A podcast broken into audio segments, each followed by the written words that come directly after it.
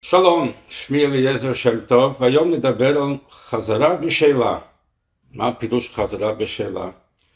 שאלו פעם יהודי, למה כששואלים שאלה ליהודי, בדרך כלל עונה עם שאלה, אז הוא ענה, למה לא? אז בואו נראה היום איך מתבודדים עם השאלות בחיים. כי לא תמיד צריכים לחפש תשובה לפעמים צריכים להבין אם השאלה היא נכונה. בואו נראה, הרבה שואלים למה החברים שלי הולכים לחוף הים בשבת עם הפלאפון? ויש להם כיף. ואני צריך להיות סגור בבית כל השבת, אני לא יכול להשתמש בפלאפון, אני לא יכול לנסוע ברכב, למה? כן, לפני אלפי שנים אולי, אבל היום אין לזה שום יסוד. או למשל כשרות, כן, החברים שלי נוסעים ללאס וגאס ואוכלים בכל המסעדות, כל השרימפסים וכל החזיר וכל מה שבא להם, ואני צריך לסחוב מספדה מלאה טונה, כי אני לא יכול לאכול בשום מסעדה. מה הקטע? היום בעולם המודרני יש לזה עניין וכולי וכולי וכולי. או אפילו שאלות פילוסופיות, זאת אומרת, למה יש אנשים טובים שסובלים בחיים ואנשים פושעים, רשעים, שהכל הולך להם סבבה. אז איפה הצדק, איפה היושר, אם הקדוש ברוך הוא מנהיג את העולם והוא מקור החסד והטוב, אז איך מסתדר עם כל, ה... עם כל המציאות, איך זה מסתדר עם המציאות שאני רואה מול העיניים ש... שלא כדאי לי להיות uh, ילד טוב ירושלים, כדאי לי להיות uh, פושע, כדאי לי להיות כמו כל החכמים שהולך להם טוב בחיים ולא להיות טוב וצודק, שאלות כאלה, כן? ועוד ועוד ועוד, אין, uh, יש פתגם, שהרי השאלות לא ננעלו, תמיד אפשר לשאול ולשאול. עכשיו, זה טוב לשאול או זה לא טוב לשאול? אז תלוי, תלוי מאיפה באה השאלה, מה מטרת השאלה ואיך שואלים את השאלה. כי לפעמים השאלה היא לא שאלה אלא תירוץ. זאת אומרת, לפעמים שואלים שאלות לא כי, כי רוצים ללמוד ורוצים לצמוח ורוצים להתקדם בחיים ורוצים באמת לעשות שינוי בחיים, אלא שואלים שאלות כדי להגן על המצב ועל הנוחיות שיש לנו.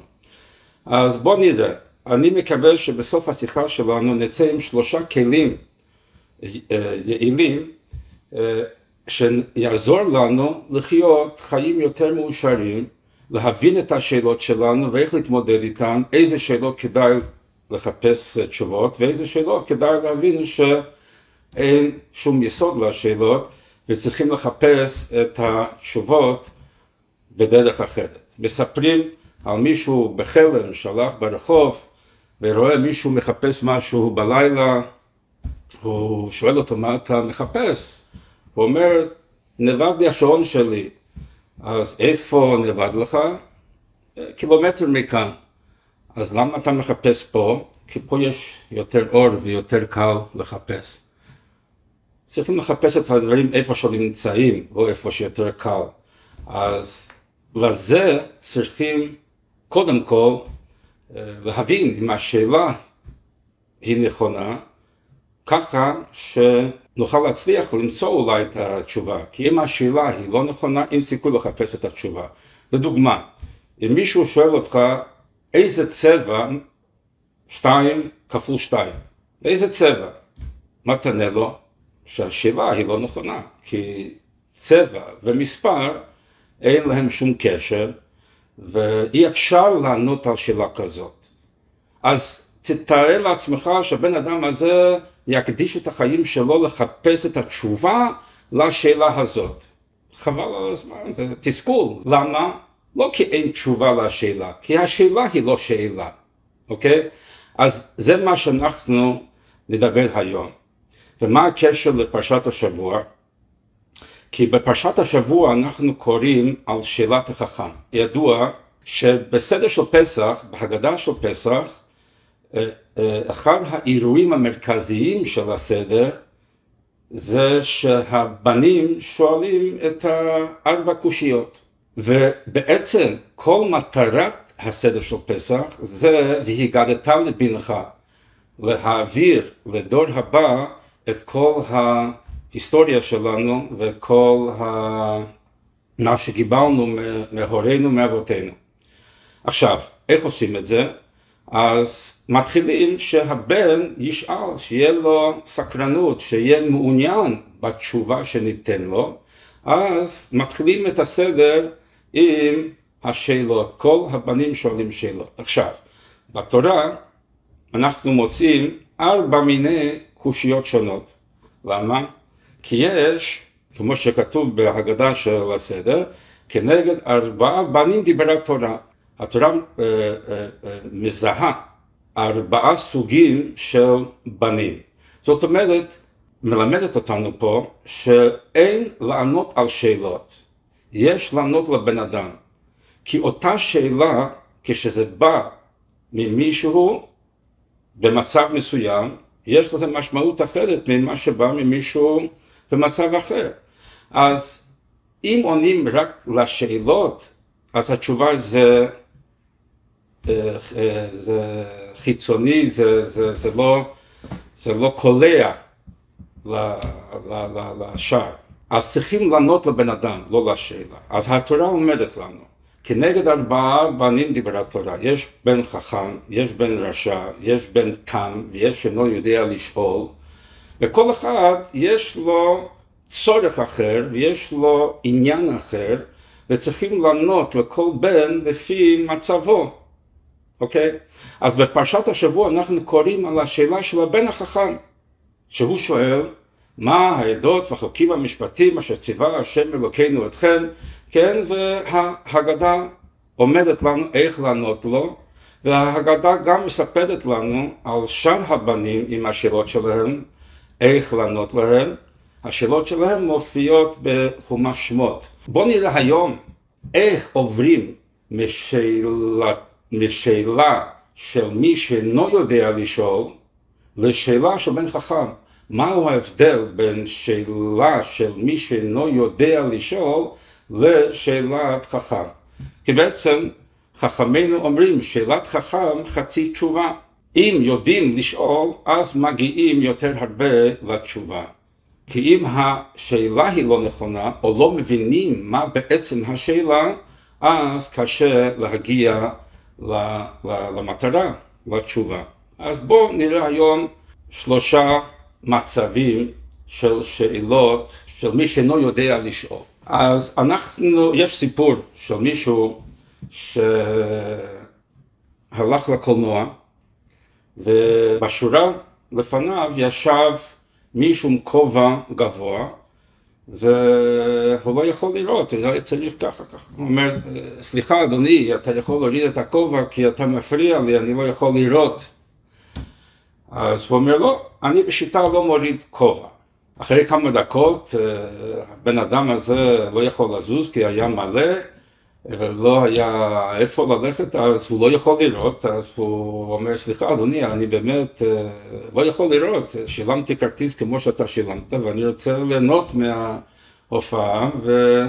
ואתה מפריע לי. הוא אומר אני בשיטה לא מוריד כובע. פתאום מישהו פתח את הדלת ונכנס רוח והכובע שלו עף והוא מתגלה שהוא קרח. אז הבן אדם אומר, או, עכשיו אני מבין, זה לא שיטה, זה קרחת.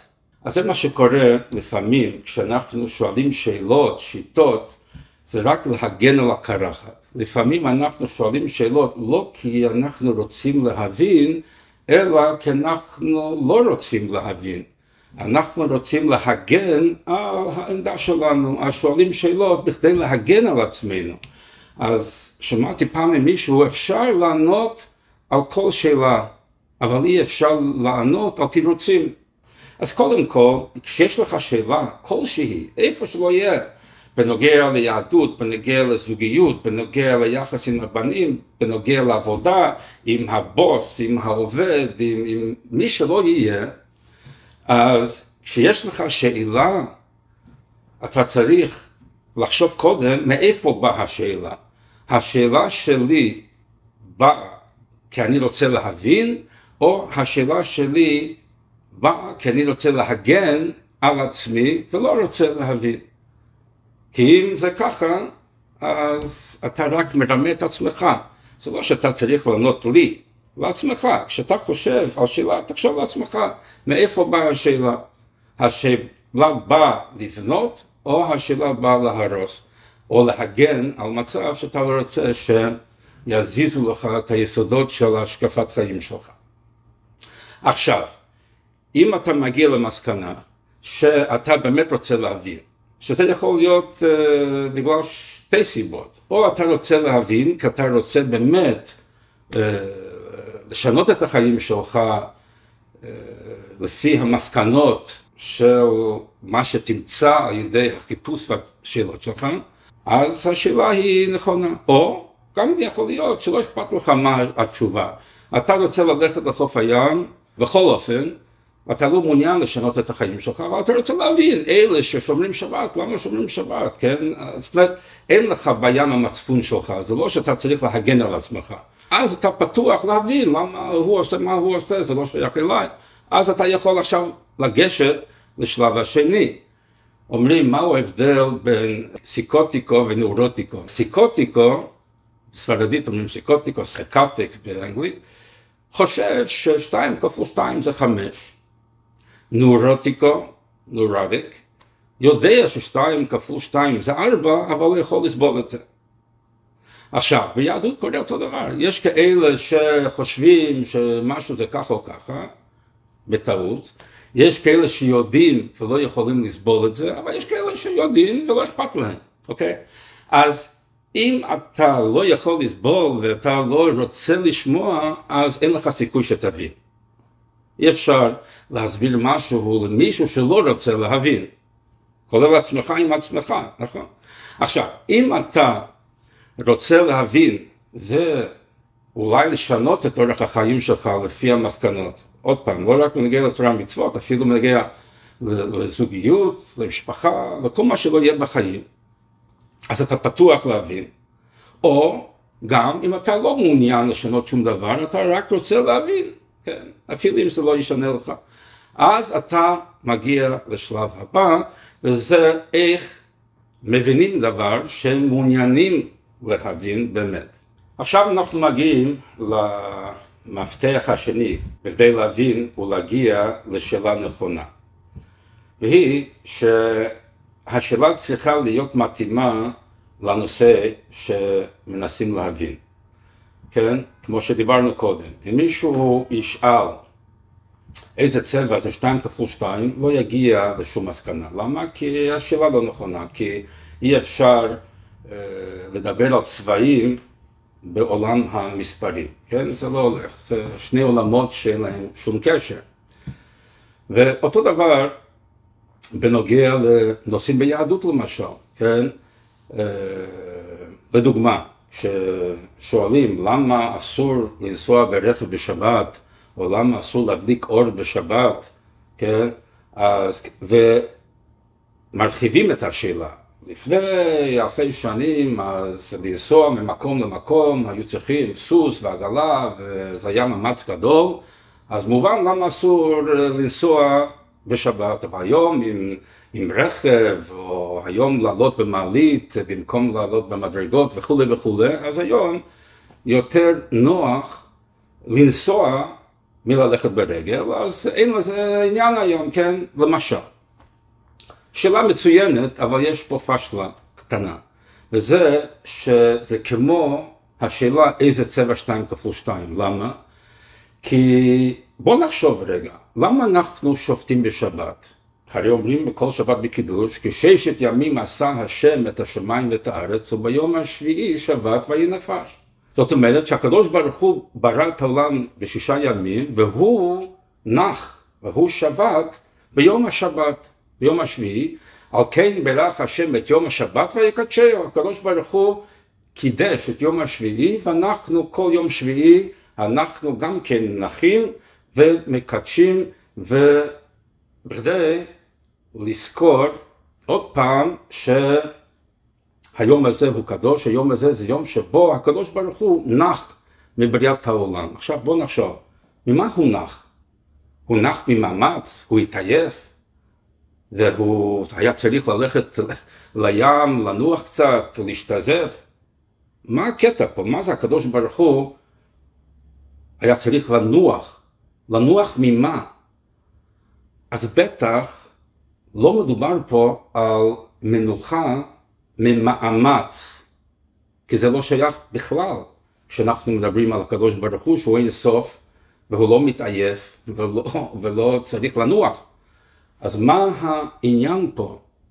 אוקיי? אז אנחנו כבר רואים שהשאלה אין לזה שום יסוד, כי מדובר פה על מושג של מנוחה אחרת לגמרי. או למשל, כשרות. מה אומרים? למה צריכים לאכול כשר ולמה אסור לאכול מאכלים מסוימים? לפני הרבה שנים אז לא היה קירור והיו מחלות מסוימות שהיה אפשר לקבל על ידי אכילת אה, בשר של חיות ובהמות מסוימות, אבל היום שיש כל מיני אה, אה, אפשרויות להיזהר מזה ולמנוע את המחלות האלה, אז מה, למה לא? שאלה מצוינת, אבל יש פה פשלה קטנה, למה? כי כשרות אין לזה שום קשר לבריאות. בתורה יש מצווה, שמרתם, נשמרתם מאוד לנפשותיכם. צריכים לשמור על הבריאות. אסור לקחת חתיכת בשר כשר שנמצא מחוץ למקרר שבוע וזה סכנה לחיים, אסור לאכול. זאת אומרת, התורה לא צריכה להגיד לנו שאסור לך לאכול בשר בהמה שנמצא חוץ למקרר שבועיים. כי זה נכלל באיסור או במצווה ונשמרתם עוד לנפשותיכם, צריכים לשמור על הבריאות. אז אם העניין של כשרות היה רק עניין של בריאות, אז לא היו צריכים, התורה לא הייתה צריכה לפרוט את זה, כי זה נכלל במצוות פיקוח נפש, כן? זה עניין של בריאות. אין יסוד, היסוד של הלכות של כשרות, אין לזה קשר לבריאות, אוקיי? אז מה היסוד? טוב, אז צריכים ללמוד מה היסוד. אמרתי, אני היום לא אענה על השאלות, אני רק אדבר איך לשאול את השאלה. אז אם אנחנו חושבים שכשרות, שההלכות של כשרות מבוססות על, על, אה, על, על אה, שיקולים של בריאות, אוקיי, יש שאלה מצוינת. אבל אם זה לא מבוסס על שיקולים של בריאות, אז השאלה נופלת מעצמה. זה כמו לשאול איזה צבע זה שתיים כפול שתיים. אני נזכר, פעם כשלימדתי אחד מהבנים שלי לשחק שחמט, אז התחלנו לשחק קצת, אז פתאום הוא אומר לי, אני לוקח את הסוס שלי, בועט במלכה שלך, ואני אה, מוציא אותה מהמשחק. אמרתי לו, שמע בני, הסוס בשחמט זה לא כמו הסוס ברפת. הסוס ברפת בועט, הסוס בשחמט הולך ככה וככה ולא נותן בעיטות, כן?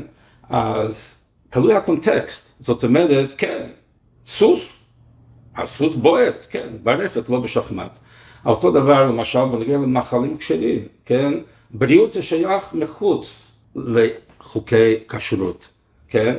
חוקי כשרות זה כמו הסוס בשחמט, יש כללים משלה, וזה לא שייך לכללים ששייכים לתחום אחר.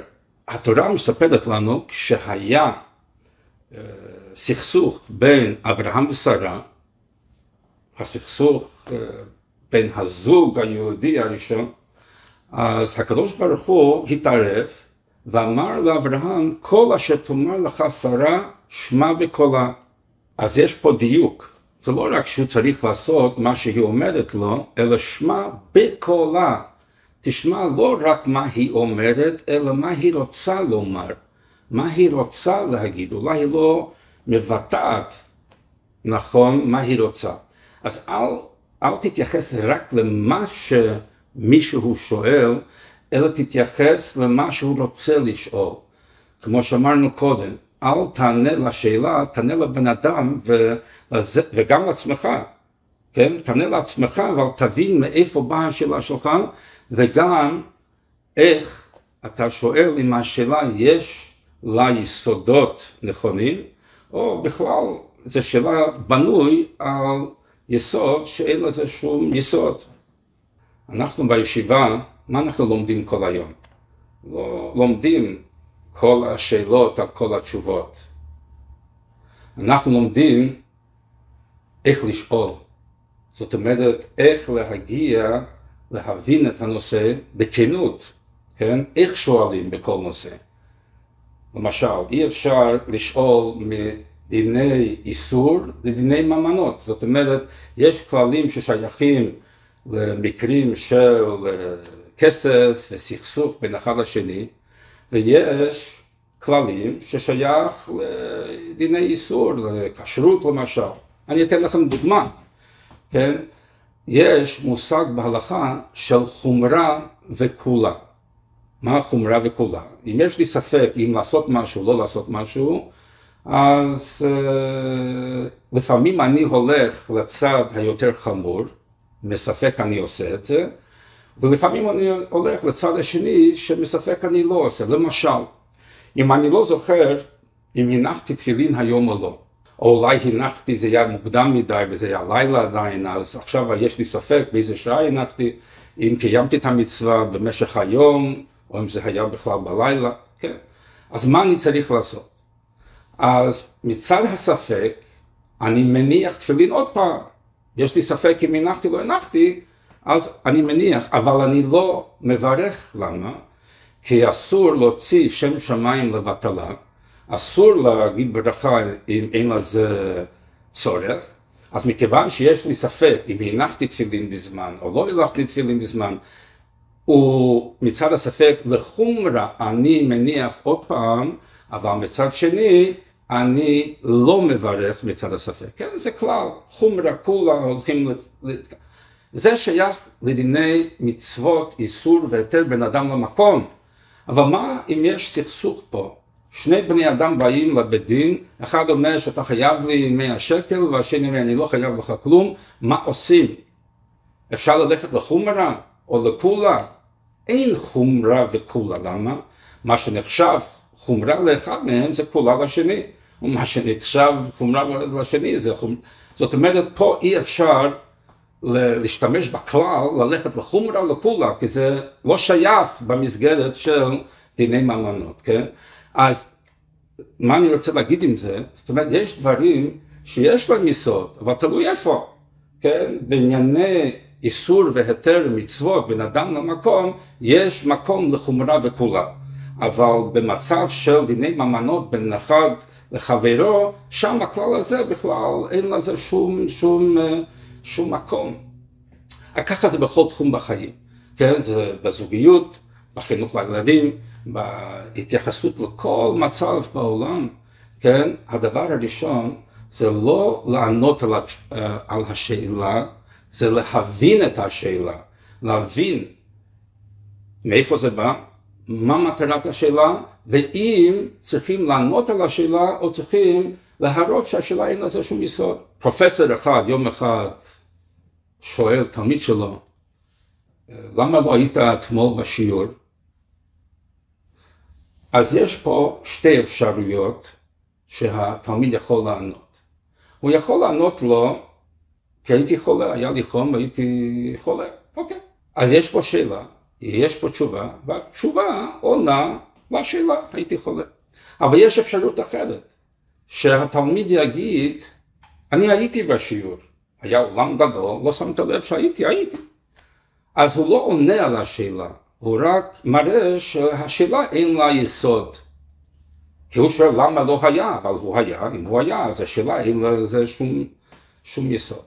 אז זה מה שאנחנו צריכים לחשוב. כשאנחנו שואלים על כל מיני דברים, על הכשרות, על השבת, כל דברים ביהדות, צריכים להבין אותם לפי הכללים של היהדות, אי אפשר למדוד אותם לפי כללים שלא שייכים למסגרת הזה. עכשיו אנחנו מגיעים למפתח השלישי, הכלי השלישי, וזה כלי מאוד מאוד יעיל. היה לי סיפור לא מזמן שהתקשר אליי צעיר שנים, אולי עשרות שנים שלא דיברתי איתו, והוא הגיע אליי ואומר לי, תשמע,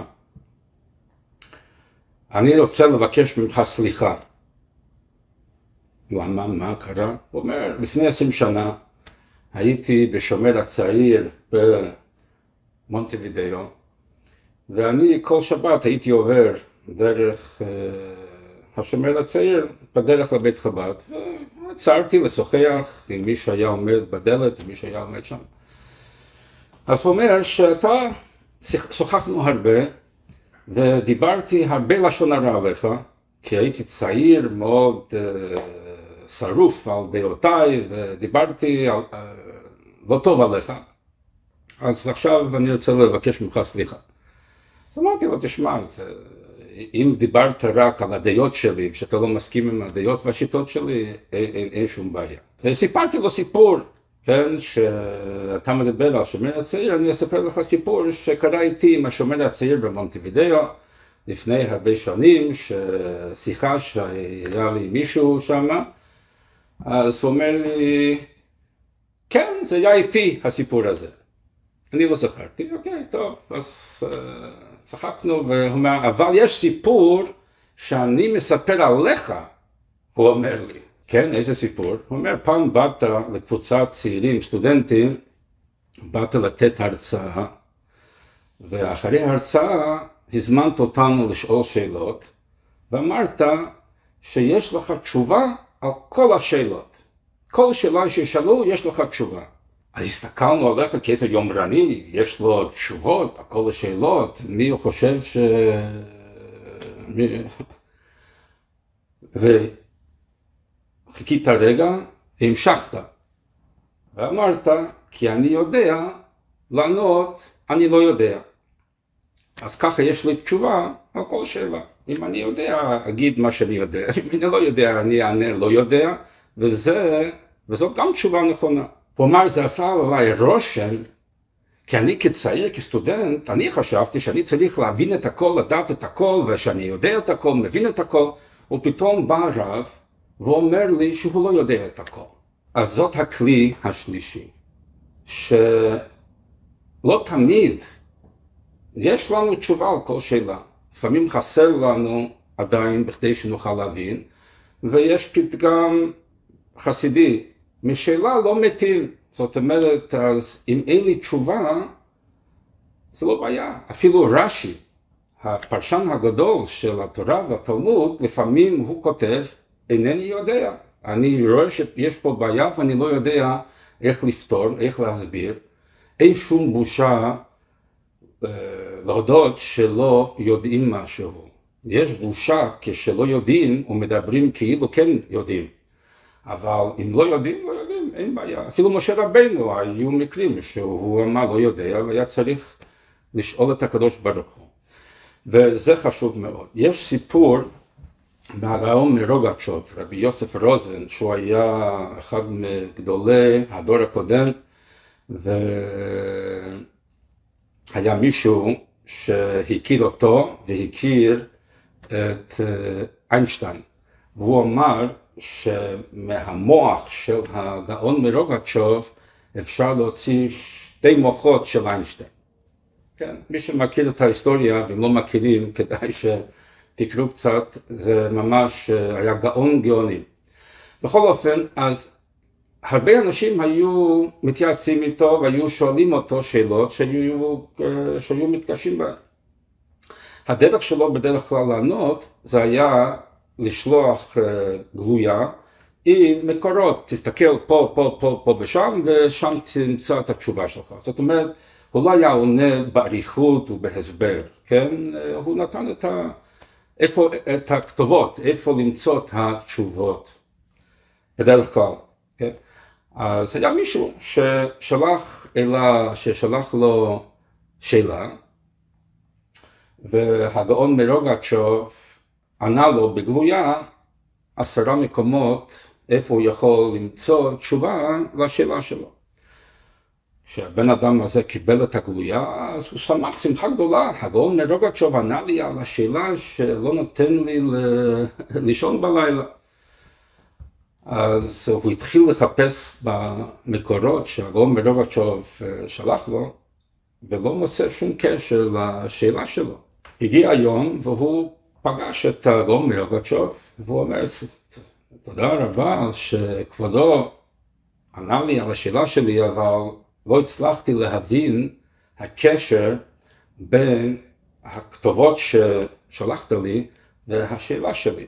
אז הגאון מרוגצ'וב ענה לו ככה, אתה כתבת אליי שיש לך שאלה שאתה לא יכול להמשיך ללמוד אם לא תפתור את השאלה הזאת. אני שלחתי לך עשרה מקומות איפה שאנחנו מוצאים בגמרא את הפירוש של תוספות. כן, בכל דף בגמרא יש את הטקסט של הגמרא, מצד אחד יש את הפירוש של רש"י, ובצד השני יש את הפירושים של בעלי התוספות, שהם נכדים של רש"י, ששם רש"י בדרך כלל מסביר את הפשט של הגמרא, זאת אומרת להבין את מה הגמרא אומרת, ובעלי התוספות זה פירוש יותר מעמיק, יותר מנתח, יותר אנליטי, יותר מסובך.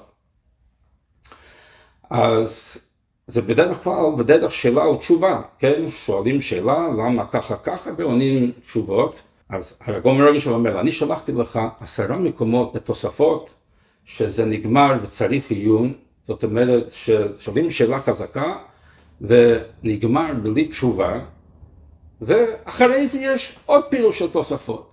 זאת אומרת שאפשר להמשיך ללמוד אפילו אם יש קושייה שלא נפתרה. זה מה ששלחתי לך. לא עניתי לך על השאלה הספציפית שלך, אני רק רציתי להראות לך שאפשר להמשיך ללמוד אפילו אם יש לך קושייה. אז זה חשוב מאוד בחיים גם כן. זאת אומרת, אם יש לי קושייה, מה זה קושייה? קושייה זה אני לא מבין. אוקיי, לא הבנת, יגיע יום שתבין או לא תבין.